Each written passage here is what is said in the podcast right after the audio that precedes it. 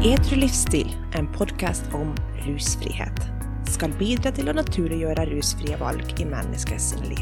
Vi ønsker å gjøre det lettere å velge bort alkohol og annen rus, og bidra til forståelse for slike valg. Gjennom et positivt fokus skal vi få frem hva man kan vinne på å velge en edru livsstil. Ja, hei hei, og velkommen til en ny episode av Edrupodden. Og i dag er vi så heldige å få ha en uh, gjest i studioen som heter Bo Nikolai Gjerpen Hansen. Velkommen. Jo, takk for det. Så kjekt å ha deg her. Vi kjenner jo hverandre fra tidligere. Ja, vi kjenner hverandre veldig godt. vi er, jeg er så heldig å få jobbe sammen med Bo. Han uh, han sitter sammen med meg som eh, prosjektleder og prosjektkoordinator her på DNT Edru livsstil, og det er utrolig hyggelig. Så jeg gleder meg til eh, denne podden som vi skal ha i dag, eh, som kommer å handle om psykisk helse og rus. Og det kommer vi inn på litt seinere. Men først, Bo, så var jeg litt spent å høre litt om det at, hva du er utdannet som, for du har masse spennende utdanninger. Kan du si litt om det? Ja, jeg truet jo om å bli evig student, rent bokstavelig. Um, jeg har en uh, master i religion, etikk og samfunn. Og, um, så du kan si at det er hovedfeltet mitt, da, og innunder der mye filosofi. Så det har vært veldig spennende. Og så uh, har jeg en bachelor i historie. Og så har jeg også vært uh, så vidt innom uh, markedsføring og østeuropeiske områdestudier. Og så har jeg en årsnett i litauisk språk. Oi, det var, det var en hel del. ja. Eh, du, er det noen av de som var favoritten din, eller er de alle favoritter på en eller annen måte? Eh, religion og filosofi var favoritten, så jeg avsluttet med det mest spennende, kan du si. Um, for min del. Um, absolutt.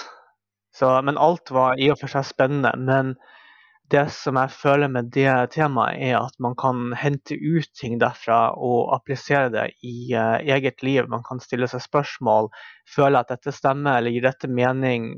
Man får reflektert litt over hvordan man vil leve sitt eget liv, og hvordan, uh, ja, hvordan et menneskeliv kan leves. da. Mens uh, de andre fagene er litt mer der ute og har litt mindre relevans for, for ens eget liv. Det blir litt mer ja, eksternt og fjernt. Ja, og det er så bra og så viktig.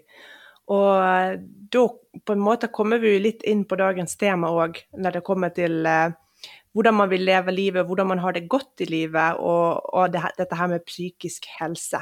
Og nå jobber jo vi på rusfeltet, så, og denne podkasten handler, handler, jo om akkurat det. Så eh, jeg hadde egentlig lyst til å spørre deg, Bo, hvorfor dette temaet er så viktig for deg? Jo, det er jo en veldig personlig årsak til det. Og det er jo um, um, Jeg har ikke alltid vært uh, avholds til uh, alkohol og rus, men det ble jeg i 2016. Mye av bakgrunnen for det var i håp om uh, å bedre egne psykiske problemer, rett og slett. Det var mange bakgrunner for det. Og når folk spør hvorfor jeg ikke drikker alkohol, så er det ofte veldig vanskelig å svare på det, fordi det er så mange grunner til å ikke gjøre det. Men det var nok en viktig grunn som, som hva skal jeg si, tippet valget i den retning. Da. Altså, eh, de argumentene jeg hadde hørt, har jo de fleste hørt, men det var en tilleggsdimensjon for, for meg da, som gjorde at jeg hadde ekstra insentiv til å forsøke altså teste ut hvordan det var å leve uten alkohol, og om det kunne gjøre livet bedre, rett og slett. Så eh, det var en ekstra gulrot, holdt jeg på å si, eh, i, i det dette er noe jeg har, føler, har, jeg føler det har en betydning. Og jeg er veldig engasjert uh, i det, rett og slett fordi det er veldig mange med, også veldig mange med psykiske lidelser som utvikler rusbrukslidelse. Kanskje som resultat av forsøk på selvmedisinering, eller, uh, eller, i mangel på at man har andre ting. Veldig mange med psykiske lidelser blir veldig isolert. Og det er jo noe jeg da ønsker å, å bidra til å forhindre, hvis jeg kan, liksom at, uh, at, man får det tilleggsproblemet. Fordi hvis man allerede har en psykisk lidelse, så er det veldig urettferdig at det er nettopp denne gruppen som er, er så høyt i risikosonen for å få en rusbrukslidelse på toppen. Man har allerede nok å slite med. Fordi alkoholen eller rusen blir som en krykke å stå på. At man, altså, da tenker du at, um, at, man bruker det for å fordøyve det egentlig egentlige problemet som ligger under yten? Ja, presis. Og så, og så, blir det et nytt problem. Og så må man nøste opp i to ting i stedet for én ting. Eller egentlig er det i virkeligheten flere ting, men, men det blir en enda lengre vei tilbake til, til god helse, da, holdt jeg på å si. Så det gjør ting bare enda mer komplisert. og det er vanskelig nok fra før. Tenker du at det snakkes for lite om dette i samfunnet i dag? Ja, absolutt. Eh, det snakkes altfor lite om. Eh, og jeg tror det er flere årsaker til det. Jeg tror man er litt forsiktige med Man er veldig redde for pekefinger, ikke sant. Og, man er, og veldig mange føler jo kanskje også på den andre siden at ja, hvis man har en psykisk lidelse, så har man så mye å bale med at man skal ikke bruke tid på å fikse på livsstilen sin, eller man skal liksom ikke være for streng med seg sjøl. Så man skal liksom ikke legge til en ekstra regel, f.eks. At, at noen kan ta den innfallsvinkelen òg til det.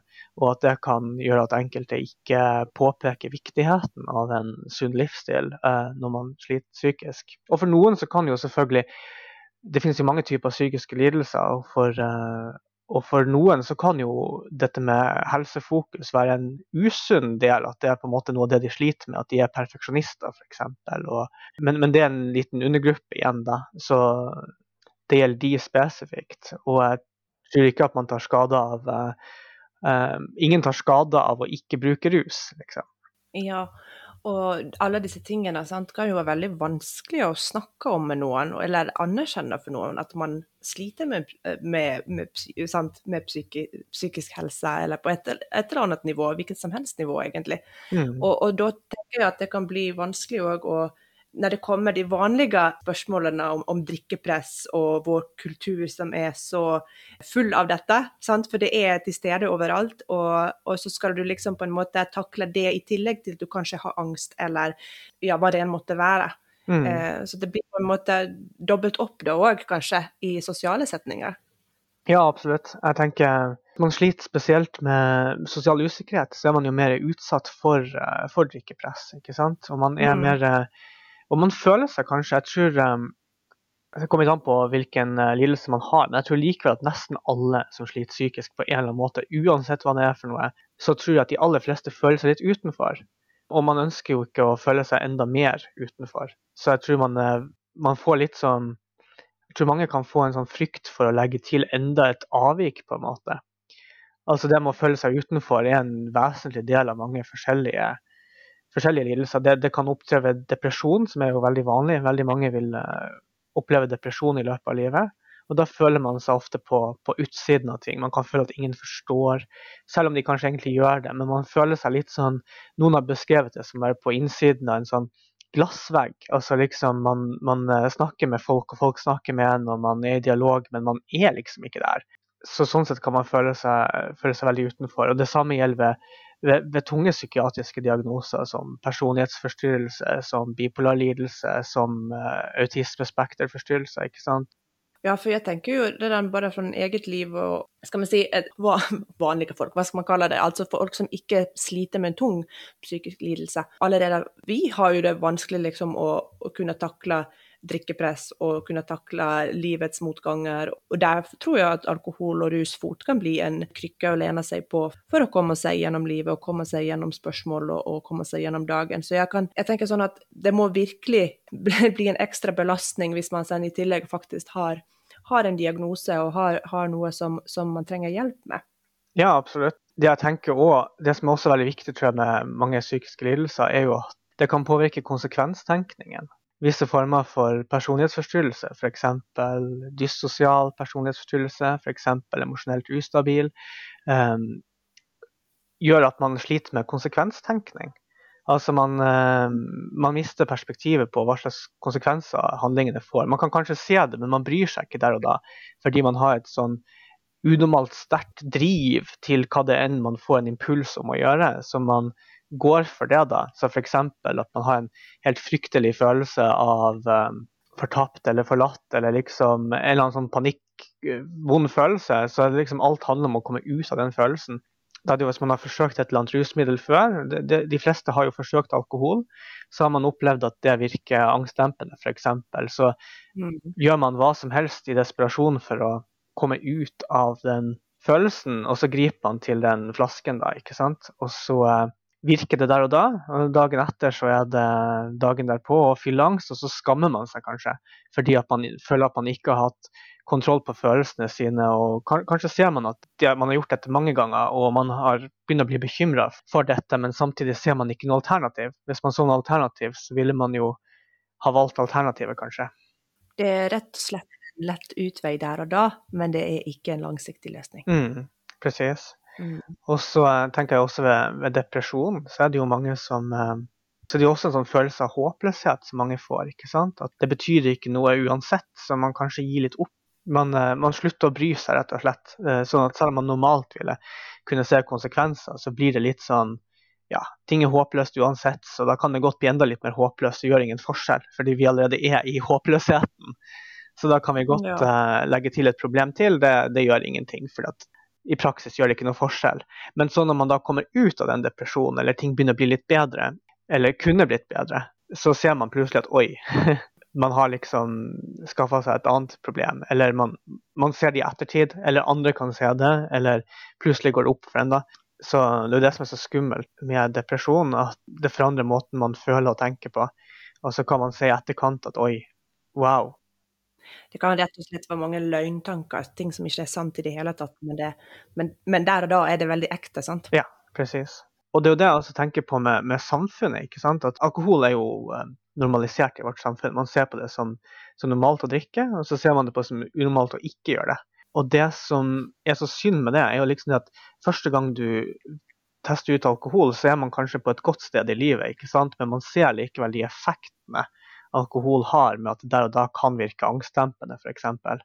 Og så eh, tar man senere og bruker det som selvmedisinering. Og jeg tror alltid det er en indikator på usunt forhold til rus hvis man bruker det for å fikse følelsene sine. Altså det, det er mange sider, liksom en indikator på at man er på vei til Varsel. Ja, presis. Mm. Mm. Det kan jeg faktisk nevne fra eget liv, at uh, jeg hadde en periode i, i, i 20-årene som, som jeg kom i en dyp depresjon da, pga. Uh, ulike ting som skjedde i livet. Og, og, det var et veldig mørkt sted å være, og ha opplevd disse følelsene som du som du snakker om, til tross for at det var en kort periode. Ikke, vi snakker om ca. et år, det var ikke en langvarig depresjon. Men samtidig, så i den perioden så drakk jo jeg òg. Jeg er avholds i dag og har vært det i, i ca. ti år. Men, men, da så hadde jeg vel på en måte Vi drakk jo, men vi var ikke avhengige. Eller jeg var ikke avhengig. Men i den perioden som jeg mådde så dårlig, så så jeg jo eller jeg har sett i ettertid hvor, hvordan jeg brukte alkoholen til å, til å døyve de smertene og alle de følelsene som jeg, som jeg gikk og bar på, og, og, følte at jeg egentlig ikke ble sett eller fikk hjelp. Eller, og, og, det begynte jo å, å spåre ur, da, det at jeg drakk altfor mye på en gang så jeg fikk blackouts, og jeg fikk eh, sant? Jeg husket ikke hva jeg hadde gjort dagen før. Og, og alle disse, akkurat det du sier, at alle disse følelsene som, som, som var vanskelig å takle edru når, du, når, man mår så dårlig, de ble jo bare forsterket dagen derpå. For akkurat det som du sier, at, at det var skam, og det var hva gjorde jeg egentlig, og, og hvor, hvorfor gjør jeg dette mot meg sjøl? Og, og, så klarer du på, du kommer liksom inn i en sånn ond spiral, og du klarer ikke helt å stoppe heller, for du vet ikke hvordan. Og da hadde jeg egentlig et spørsmål til deg, Bo. Har du noen tanker og tips på hvordan man kan komme seg ut av en slik ond spiral, eller hva man kan gjøre hvis man faktisk nå slit, Som sagt, jeg sliter ikke med en psykisk lidelse sånn sett, men mennesker kan jo komme inn i slike perioder uansett i livet, og, og de, også, til de som, som har det langvarig. Hva kan man gjøre med, med den problematikken? da? Hvordan man kan komme seg ut av uh, den spiralen? Um, ja jeg tenker at det er veldig viktig å, å ha sunne mestringsstrategier. Da. Og da er jo en uh, sunn livsstil en veldig viktig uh, komponent. Det er kanskje litt for lett å si at man bare skal kutte ut uh, rus og alkohol på dagen. Kanskje for noen. For meg så var det en mulighet. Men, men hvis man har hvis, hvis, det på en måte ens eneste mestringsstrategi, eller eneste ting man kan gå til, da, føler, at man ikke vet om noe annet, eller man ikke har noe annet man føler hjelper akutt der og da for, uh, for, å komme ut av uhåndterlige følelser, så kanskje man må lære seg det.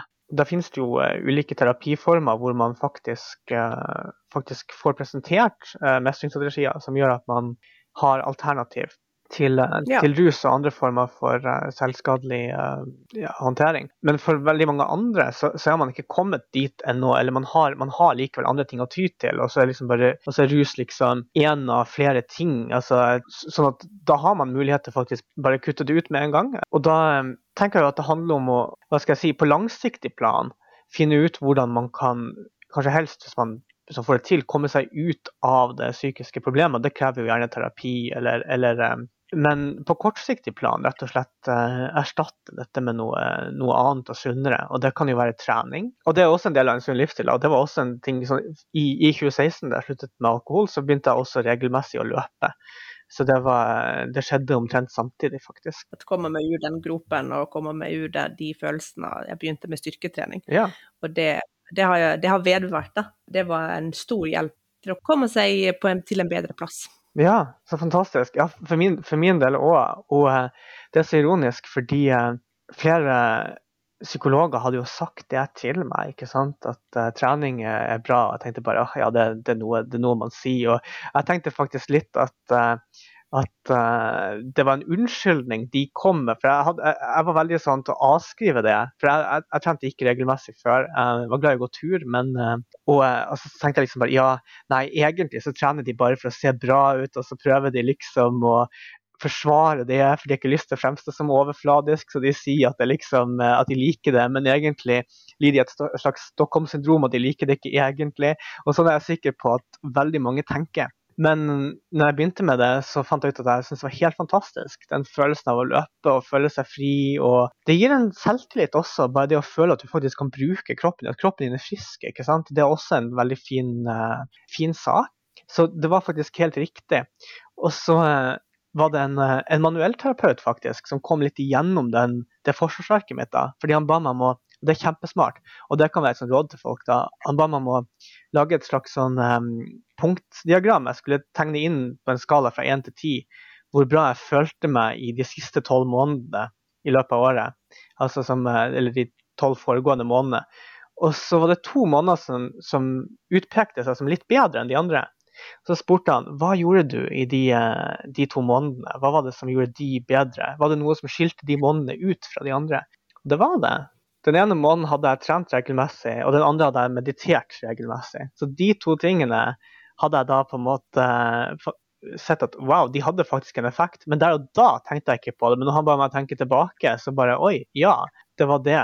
Det overbeviste meg. Trening løser jo eh, endorfiner, som vi, ja. som vi jo har det veldig godt av. Og selv òg. Jeg ble veldig hekta på den følelsen av at, at, kroppen fungerer, og at kroppen ble sterkere. Og at uh, den følelsen er jeg fortsatt hekta på, da. Så jeg har fortsatt med det etterpå, og, og, trives godt med det. Har du noen flere ting som du tenker kan hjelpe til å komme seg ut av den uh, vonde spiralen som man kan ha skapt for seg sjøl med, med, rus og alkohol? Ja, um, det er jo flere ting som tenker kan, man kan mestre følelsene sine. Altså, I tillegg til, til, meditasjon så nevnte, da finnes det mange spennende teknikker. Man kan søke opp videoer på, på YouTube. Det som er med meditasjon og mindfulness, er jo at man, eh, man kan betrakte følelsene og tankene sine litt sånn utenfra. Og at man, eh, man får da litt distanse til det, kan du si. Og da er det veldig viktig, at man forteller ikke seg sjøl at det er galt, det man tenker eller det man føler, men man, men man eh, betrakter det. Og da blir det litt mindre farlig, så man blir litt mindre overvelda. Så man kan få litt mer kontroll, føler at man får litt mer eh, balanse da, i det hele. Så det, det, kan være et veldig godt tips. Og det er også noe som er tatt mer og mer inn i eh, moderne former for terapi også. Ikke at man sitter i lotestilling og mediterer, men at man har tatt, tatt, ut aspekter fra, fra, fra, det. da, At man kan betrakte, betrakte tenkemåten sin, rett og slett. og, og sånt. Nå mener ikke at man skal fjerne seg fra følelsene sine eller distrahere seg altfor mye, men der og da kan det være nødvendig. Og det kan være en sånn form for eh, ekstreme sanseopplevelser. At man eh, som får tankene ens raskt over i noe annet. Og det er jo det er litt skummelt, fordi en, en annen uheldig mestringsstrategi som mange sliter med, det er jo selvskading en sånn kritikk eh, som jeg har sett folk til komme med når man eh, advarer mot rus, ja, men da, da, går man til noe annet fælt, som selvskading. Ja, men det, det, finnes så utrolig mange ting du kan gjøre, så man trenger ikke å gå til de to. Og det finnes andre former for intense opplevelser som ikke er selvskading. Det kan være liksom å, å, bruke en sterk duft, det kan være isbading, ikke sant. Eh, eller eh, et tips er liksom å, å, ha masse kaldt vann i ansiktet eller ta en kald dusj. Det er ikke farlig, det er tvert imot veldig fint. Det produserer eller trigger kroppens endorfin- og noradrenalinproduksjon. Så det er en liten sånn natural high så, som, ikke, som ikke, ikke, ikke, er farlig for folk. ved mindre man selvfølgelig, selvfølgelig det å isbadet hvis man har, det, det, kan være farlig for spesielt eldre folk eller folk med underliggende hjerteproblemer, den type ting. Men for, for friske folk er ikke det farlig, så lenge man ikke er ute i en time, liksom. Så, så, går, det, så går, det, fint. Og det er en såpass spesielt de første gangene, en såpass sånn sjokkopplevelse for kroppen da, at det kan raskt få tankene over på, på noe annet. Og så er det også det med å, det med å gi seg sjøl et lite sånn sjokk og få noe helt nytt hjernen søker hele tiden uh, nye ting. Så hvis det er noe, noe, nytt, så vil hjernen automatisk gå dit, ta oppmerksomheten dit. Så det er også en sak. Altså rett og slett uh, få inn mer spenning i livet. Uh, utfordre en sjøl. Gjør ting som er mentalt krevende, men ikke på en sånn trist måte, men som, men som holder hjernen opptatt, rett og slett. Restarte systemet og utfordre seg sjøl. Ja, presis. Kjempegode eh, analogi, liksom. Det er litt det, Ja, en restart av systemet. Mm. Tilbake til det her med sånn meditasjon, kanskje. Eh, ja. Eller det kommer på det området. Det her med at, at det er jeg, pleier å si at det er kraft i tanker og ord, på den måten at vi kan gjerne bli veldig hard mot oss sjøl i, i, måten vi snakker til oss sjøl til, ja. eller hvordan vi tenker om oss sjøl. F.eks. det kan fort bli veldig mye negative tanker og ting. 'Å nei, det fikk jeg ikke til', og du er 'åh, så drit du var som ikke fikk gjort det på den måten', du burde ha gjort sånn og sånn. Hva tenker du om eh, det her med å, å snakke til seg sjøl, snakke opp seg sjøl, eh, snakke opplyftende og tenke opplyftende tanker og, og Ja, skjønner du hva jeg mener? Ja, Absolutt. Det tror jeg er veldig, veldig, viktig. Jeg har ikke prøvd så veldig mye, men det finnes jo eh, noe som kalles for affirmasjon. Altså man eh, har noen setninger, altså noe man trenger liksom å, å tenke positivt på, Så man liksom tar um, og gjentar for seg sjøl mange ganger en, en, en, positiv setning. da. Mm. Men det, det, med negativt selvsnakk det er jo også noe som kan være en um, stor del av depresjon f.eks., eller dårlig selvbilde. Eller um, det kan inngå med mange, mange forskjellige, forskjellige, ting. Jeg vet ikke, Det kan kanskje være lurt å stille seg selv spørsmålet ville du sagt dette til en venn. Og liksom, Hvorfor si det til, til deg sjøl? Altså, I de fleste tilfeller hadde vi jo ikke gjort det. Ikke sant? Det bør være en vekker da de tankene kommer krypende. Ja, og samt, samtidig så er det veldig mange som føler at de kan ikke la være. Altså det er likt at det faktisk er akkurat det de det som på en måte nesten er kjernen. For noen så vil, jo, vil de jo sikkert da trenge, trenge terapi, ikke sant? At, uh, og, og, mm. jobbe litt med det. Og kanskje også stille seg spørsmålet hvor kommer det fra? Kanskje fikk man veldig mye kritikk i oppveksten. ikke sant? Kanskje fikk man ikke en, en bekreftelse på at man var, var god nok. Det var akkurat det jeg tenkte, tenkte si, at ofte så kan det jo være ting fra fortiden som, som, som ligger og, og, og, spøker. Altså det er ting som rett og slett man kanskje aldri bare har ordnet opp i. Mm. Og da mm. kanskje man trenger litt hjelp til å, til å få ryddet opp i de tankene. Ja. Og da, da syns jeg faktisk at det er litt viktig at vi også nevner det med at, at det å søke hjelp, og det å gå til psykolog, og det å søke en terapeut, alle disse områdene hvor du kan rett og slett søke hjelp. Det er ikke nederlag, det, det er ikke noe som er dumt eller feil eller skamfullt. Det er derimot veldig, veldig viktig at man tør å ta det, det skrittet, da. Ja, det er det. Jeg tenker um, det er såpass Det er også, det er også veldig vanlig. Og det, det, er jo også noe som jeg tenker man må se litt på. Det er jo det at det er litt forskjellig etter hvilke undersøkelser man ser på, men det er mye som tyder på at spesielt um, spesielt angstlidelser er økende i eh, det moderne samfunnet. Det er kanskje også et, sånt, et sånt politisk spørsmål og et sånt kulturspørsmål. Hvorfor, hva er det som er galt med kulturen vår? Hvorfor, uh, hvorfor har man endt opp der? Om det er noe man kan, kan gjøre og ta tak At man ikke bare kommer etter og med sånn uh, brannslukking. At, at, man uh, jobber mer forebyggende opp mot psykisk lidelse. Det skjer jo ting, som f.eks. livsmestring i skolen. men det er jo på en måte da mestring av et uh, liv i en kontekst som allerede er satt. Det er ikke noe snakk om å endre på ting i, i politikken eller kulturen som, som, er skadelig for oss. da.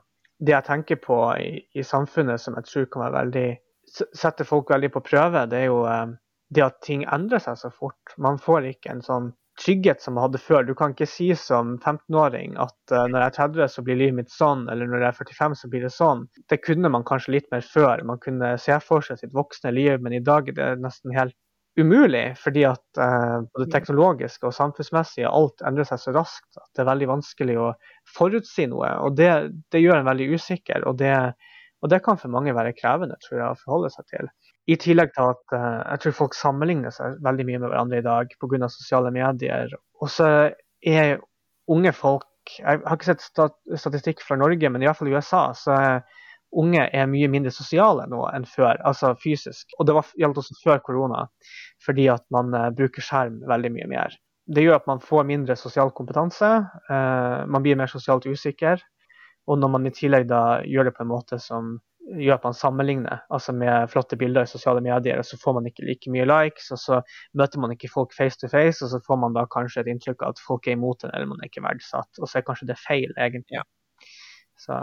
Vi lever jo virkelig i et eh, prestasjonsfokusert samfunn. Det, ja. det, gjør vi, og det er noe vi, som er veldig viktig å, å snakke om. For at vi er gode nok som vi er, til tross for at ikke vi har 500 likes på et bilde på, på Instagram. Det har, det har, ingenting å si for din verdi som menneske. Og, og det, det, der tror jeg det er virkelig, særlig for de unge som vokser opp i dag, skikkelig, skikkelig vanskelig å, å forholde seg til. Ja. Og jeg håper virkelig at uh, dette er noen ting som tas opp i, i skolene og i oppveksten. For at de, de, sier jo den generasjonen som, som, har vokst opp med dette her, er jo nå en prøvegenerasjon. Det er jo ingen som har gjort det før. Mm. Vi har aldri opplevd det før. Vi vet ikke hvordan vi skal håndtere det. Og nå begynner vi jo, som du sier, se signalene, faresignalene for hva som egentlig holder på å skje. Folk mår dårlig, angstlidelser går opp. Ja, og hvorfor? Ja, akkurat som du sier, jeg tror det har en veldig stor del. Og da må vi ta tak i det og snakke om det, og, og gjøre noe med det, rett og slett. Ja, så tenkte jeg litt på det med, det, det med psykisk helse og, og, rus, da. For å gå videre inn i med rus, så er det jo dette med at folk som sliter psykisk, ofte er mer utsatt for, for drikkepress, som vi snakket om i stad. Og det er jo en ironi, da, at kanskje, kanskje ville man ikke kommet inn i rusen hvis ikke det var for alt jeg på å si den, de som ikke sliter, sitt drikkepress på andre siden. Så det er jo på en måte noe man kan tenke litt over òg, og at det er veldig viktig å Selv om man drikker alkohol og, eh, og eller eh, andre ting, så liksom å, å, alltid legge inn at en sånn åpning for at um, det å ikke drikke er like OK, at man ikke antar at den andre personen drikker alkohol og har lyst til å gjøre det, det tror jeg er veldig, veldig, veldig viktig. Uh, vi hadde en undersøkelse i fjor som viste det som var veldig forutsigbart, at mennesker som oppgir alltid å ha angst, angst i sosiale situasjoner, de har oftere sagt ja til alkohol uten å ha lyst, enn de som eh, ikke sliter med angst i sosiale situasjoner. Og det, det var egentlig veldig forutsigbart, men nå har vi tall på det. For at det er et reelt problem, og det vet du altså, Selv har jeg jo opplevd drikkepress og, opp gjennom ungdommen. og Eh, også idet jeg faktisk tok et standpunkt og sluttet å drikke og valgte at dette her er ikke noe jeg har lyst til lenger, det var et personlig valg, så kom det så mye spørsmål om hvorfor og, og sant? Du måtte alltid forsvare valget ditt, og det syns jeg er veldig unødvendig at det skal være slik. For at ja. det skal kunne få være like naturlig å si nei takk som ja takk. Og det som overrasket meg kanskje mest, var når jeg kom inn i arbeidslivet og lem, liksom forlot eh, studentmiljø og, og, ungdomstid. Og på en måte kom inn i voksenverden, da. Og der var det ikke presset minst like stort, om ikke større. Og, og den hadde ikke jeg sett komme. Nei. Og du blir, får med en gang en følelse av å bli ekskludert eller å være annerledes, bare av en sånn filleting det, jeg er egentlig et veldig sosialt menneske, og jeg liker å, å, snakke med nye folk og knytte nye relasjoner. Jeg har ikke et problem med det når jeg er edru, for å si det slik. Og allikevel skal du liksom bli stemplet som at uh, dette her er ikke helt greit. Og mm. det, har, det, er derfor vi har denne podkasten. Det er derfor vi skal snakke om alle disse temaene, og må fortsette å gjøre det. For at vi skal normalisere det og velge en eldre livsstil. Ja, Precis. Det, det, jeg tenker på, det, det, jeg tenker på også, er at dette presset er jo også med på, på å skape psykisk uhelse. ikke sant? Også for de som da allerede har valgt, um, har valgt bort alkohol, eller, eller um, enten, enten, for alltid, altså man tar et avholdsstandpunkt, eller man, man, ønsker å drikke mindre ikke sant, i, i, situasjonen. Det er jo en ekstra belastning dette presset. Så, så også avholdsfolk er jo faktisk litt i, i risikosonen, fordi at i hvert fall unge avholdsfolk opplever oftere ensomhet enn enn de som ikke, eller, eller høyere andel da, sliter med det enn, enn de som ikke er, er avhold. Så det tror jeg handler om at mange har færre arenaer å være på. ikke sant? Fordi, og det så vi i vår egen undersøkelse òg, at blant de unge i alderen 18 til 30 så var det 29 av befolkningen som sådan som sa at det var vanskelig å finne interessante fritidsaktiviteter å delta på. Mens 43% av de som ikke drakk, sa det samme. Så det er litt vanskeligere fordi, fordi at alkoholen tar så mye plass. og Spesielt hvis en aktivitet kun handler om alkohol. Så hvis du ikke drikker alkohol, så hvorfor skal du ønske å delta på den aktiviteten? Det er litt som hvis det skal være en konsert i byen, liksom, og det er en artist du overhodet ikke liker. Hvorfor skal du gå på den konserten, da? Du har jo ikke noe glede av det. Så, så det blir litt det samme. Så, så, det er jo en utfordring som går den veien. Og, men det tenker jeg jo at uh, gjelder det for, for, samfunnet å kanskje tone ned litt uh, det, det alkoholfokuset. Og så gjør vi en viktig jobb om å gjøre en enda bedre jobb på det å skape gode, rusfrie møteplasser. Absolutt, det trenger vi. Det trenger vi. Men da, Bo, da lurte jeg fortsatt på en ting. Og det var at hvis du da føler at du sliter litt i livet og sliter med tankene, og, og tenker at du kanskje har noen psykiske problemer eller en psykisk lidelse som, som du har lyst til å ta tak i, hvor, hvor kan du gå og henvende deg? Hvor kan du gå med, med disse spørsmålene og problemene dine? Ja, da starter man jo gjerne hos fastlegen. Um, og da får man jo gjerne en henvisning til uh, den formen for behandling som fastlegen ser som uh, mest uh, fornuftig, eller til en utredning. Og det Ja, hva skal man si om det, da? Det en ting som kanskje folk må være litt advart for, det er jo det at veldig ofte når man først merker et problem, så er det gjerne snakk om depresjon eller, eller angst eventuelt kanskje en psykoselidelse. Altså Psykose vil jo da si et brudd med, med, virkeligheten. At man har hallusinasjoner eller man uh, har vrangforestillinger. Det ser man ofte ikke sjøl, men, men, i noen tilfeller så kan man skjønne at noe, noe er galt. ikke sant? Sånn og da blir man ofte henvist til, til behandling, spesielt for angst og, og depresjon. Så, så, da, så kan man bli sendt til en um, kortvarig behandling som skal da uh, fjerne, fjerne, det problemet. Det man uh, kanskje skal være litt sånn obs på da, er jo at veldig mange, for veldig mange så er det egentlig, kan det være snakk om noe annet. kan være snakk om eh, bipolar lidelse eller personlighetsforstyrrelse f.eks. Som er overraskende vanlig. altså dette med personlighetsforstyrrelse det rammer jo 10-13 eh, av befolkningen, så det er veldig utbredt. Men veldig få blir diagnostisert. Og det er ofte noe som skjer eh, etter flere behandlinger for depresjon eller angst. Det samme gjelder andre såkalt tunge psykiatriske diagnoser som, som schizofreni, bipolar lidelse og autismespekterdiagnoser. At det kan komme veldig, veldig sent, og, og man derfor får hva skal jeg si, man får litt sent den behandlingen som ville vært mest effektiv. Da. Og det som er veldig skummelt når man kommer inn i hva skal jeg si, psykiatrien, for å si det, det er jo det at man, eh, man, har gjerne litt sånn, man er gjerne litt sånn usikker, og man, man møter den autoritetspersonen som er psykologen eller psykiateren. og man, man, stoler kanskje litt for mye på man, man, skal jo selvfølgelig være mottakelig, og sånn, men man kan, være litt for, man kan fort være litt for unnvikende i møte med, med autoriteten. altså legen, psykologen, psykiateren. Og, og, det er veldig viktig, og uansett hvor rart det synes det høres ut, uansett hvor, um, hvor ille det er, så, jeg, så er det veldig viktig å si nøyaktig sånn som det, det er. Jeg for min del jeg hadde lenge en periode hvor jeg jeg ville liksom ikke gå, for jeg syntes ikke mine problemer var alvorlige nok. Jeg hadde liksom ikke innsikt i det, men i ettertid altså, så så jeg jo at det var veldig alvorlig. Eller alvorlig og alvorlig. Det, jeg sitter jo her i dag, og uh, når jeg da møtte legen, så, så, så underdrev jeg også litt. Jeg ba liksom litt om unnskyldning, jeg ville ikke være til bry. Og det, det er veldig viktig at, at man prøver så godt man kan å komme over den, den følelsen. Ja, det finnes sikkert noen som har det verre. Det finnes folk som er innlagt kjempelenge, og du blir kanskje ikke innlagt, har kanskje ikke behov for det osv.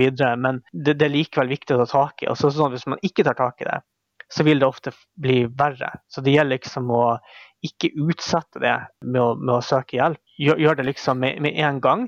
Og så er det dessverre ofte altfor lang ventetid, men det er også en grunn til å gjøre det med en gang. Fordi at du kan ikke på en måte sette deg i kø når det har blitt så alvorlig at du ikke orker å stå i den køen. Du må sette deg i kø nå.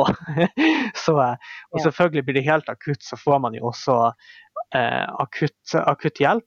Men da er det også veldig viktig å ikke stikke under en stol. F.eks., og da skal jeg være veldig personlig, eh, jeg hadde en, en periode jeg slet med, med selvmordstanker, men jeg torde ikke å si det.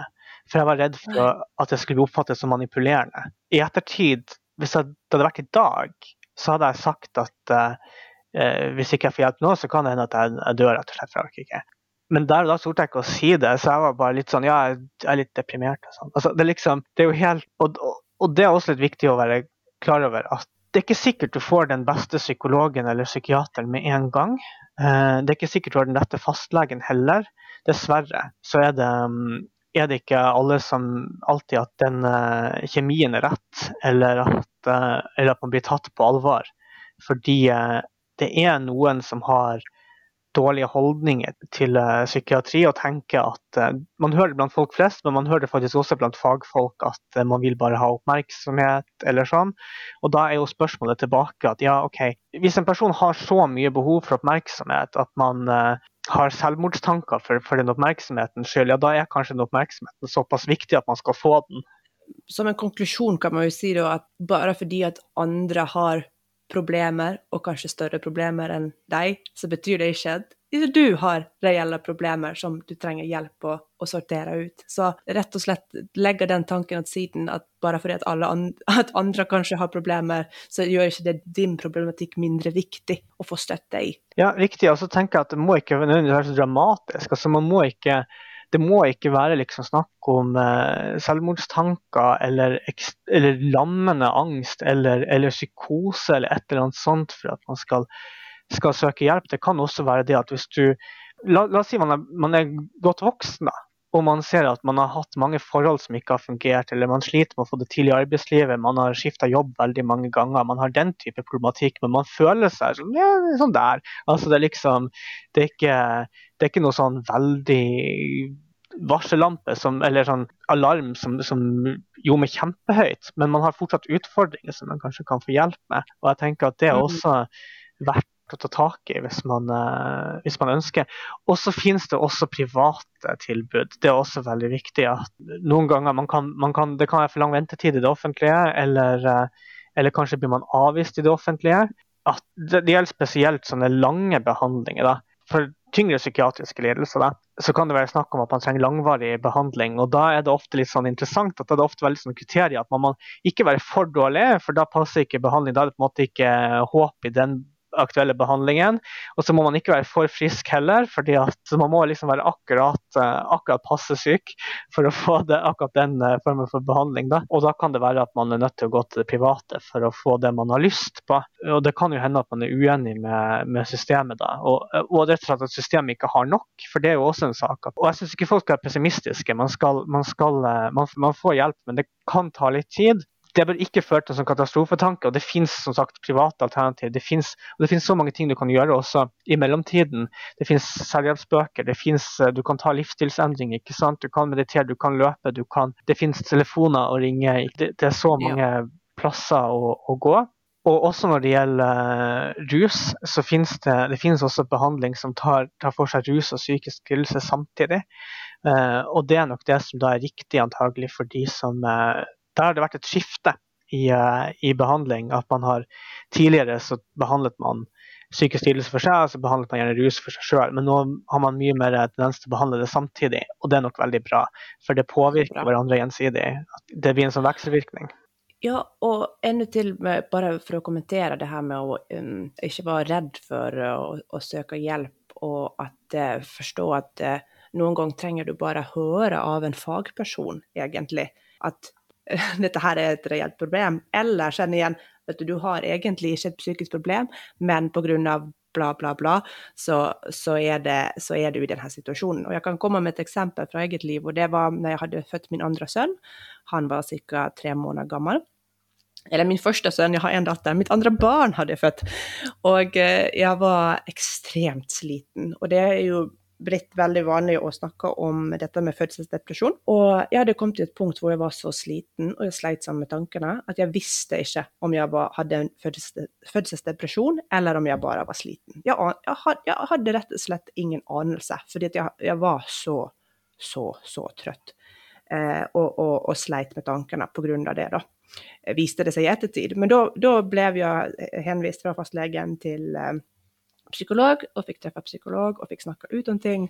Og da var det bare så godt å, å få bekreftet av han, det var en mann, da, denne psykologen, at vet du hva, Linda, du, du har ikke en fødselsdepresjon, det kan jeg se med en gang, men du er bare utrolig sliten, og du mm. trenger litt avlasting. Men pga. at jeg kom til et punkt hvor jeg, jeg ante ikke hva, hva som skjedde, um, da var det bare så, så, flott å kunne få den bekreftelsen og få den hjelpen. Og hvis jeg da hadde hatt en, en depresjon, så hadde jeg helt sikkert blitt videresendt til systemet og fått hjelp. Ja. Så, så der, men, men det, jeg må jo innrømme at det var jo et skritt å, å, å, si at nå er det vanskelig, og nå trenger jeg hjelp, og, og skjønne hva det er som skjer med kroppen min og med tankene mine. Men, eh, men jeg er veldig glad for at jeg gjorde det, for det ga meg Det var mye lettere for meg å jobbe meg ur det, for å si det sånn. Ja. Mm. Ja, absolutt. Det, det, er nok også veldig viktig at man ikke automatisk tenker at fordi at man, man, føler seg dårlig, at det må være en psykisk lidelse. Og også om man har en psykisk lidelse, uansett om man har det eller ikke, men hvis man har det vanskelig uansett, Det er nok veldig viktig at man ikke tenker at det er noe galt med meg. altså liksom sånn, for Det, det, det er litt farlig dette at um, med normaliseringen av, av psykisk lidelse, at uh, man har veldig lett for liksom å gå i seg sjøl og tenke at å, det er noe galt med meg. da. Og det, det er ikke sunt for, for, selvtilliten. ikke sant? Noen ganger har man det vanskelig. Og også selv om det er en psykisk lidelse, så er det ikke så de aller fleste psykiske lidelser de, de, eh, kan gå over.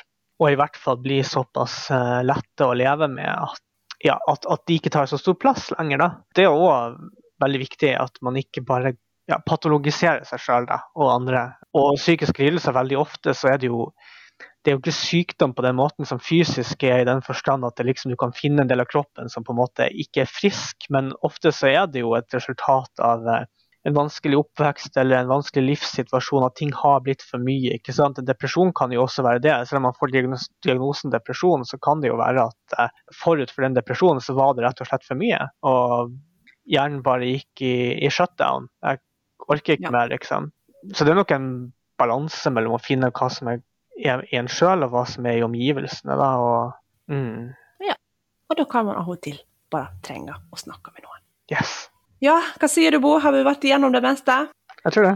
Ja, jeg syns det har vært en veldig god prat, og vil virkelig oppfordre til eh, dere som lytter, at hvis du har har noen ting du sliter med, eller ting du lurer på, eller ja, så finnes det mange gode plasser å henvende seg til. og Fastlegen har, er alltid en mulighet. og ta gjerne det skrittet, ta gjerne den praten, istedenfor å gå og, og, lure på det i ensomhet. Ta, eller snakke med venner, snakke med noen du er trygg på, før du kanskje da går videre til det offentlige hvis det føles skummelt. For jeg tror det er utrolig viktig å sette ord på ting. Og ofte når vi, når vi snakker om ting og det kommer ut i lyset, så, så mister det litt av makten sin òg. Og det blir litt mindre skummelt, og det blir litt lettere å snakke om igjen neste gang. Så en liten oppfordring fra meg til deg i dag.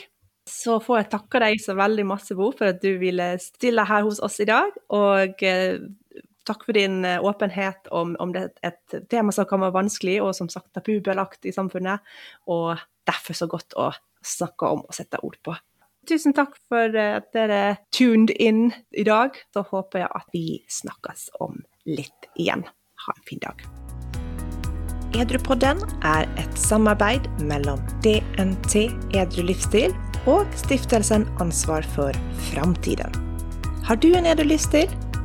Bli medlem hos oss på edru.no.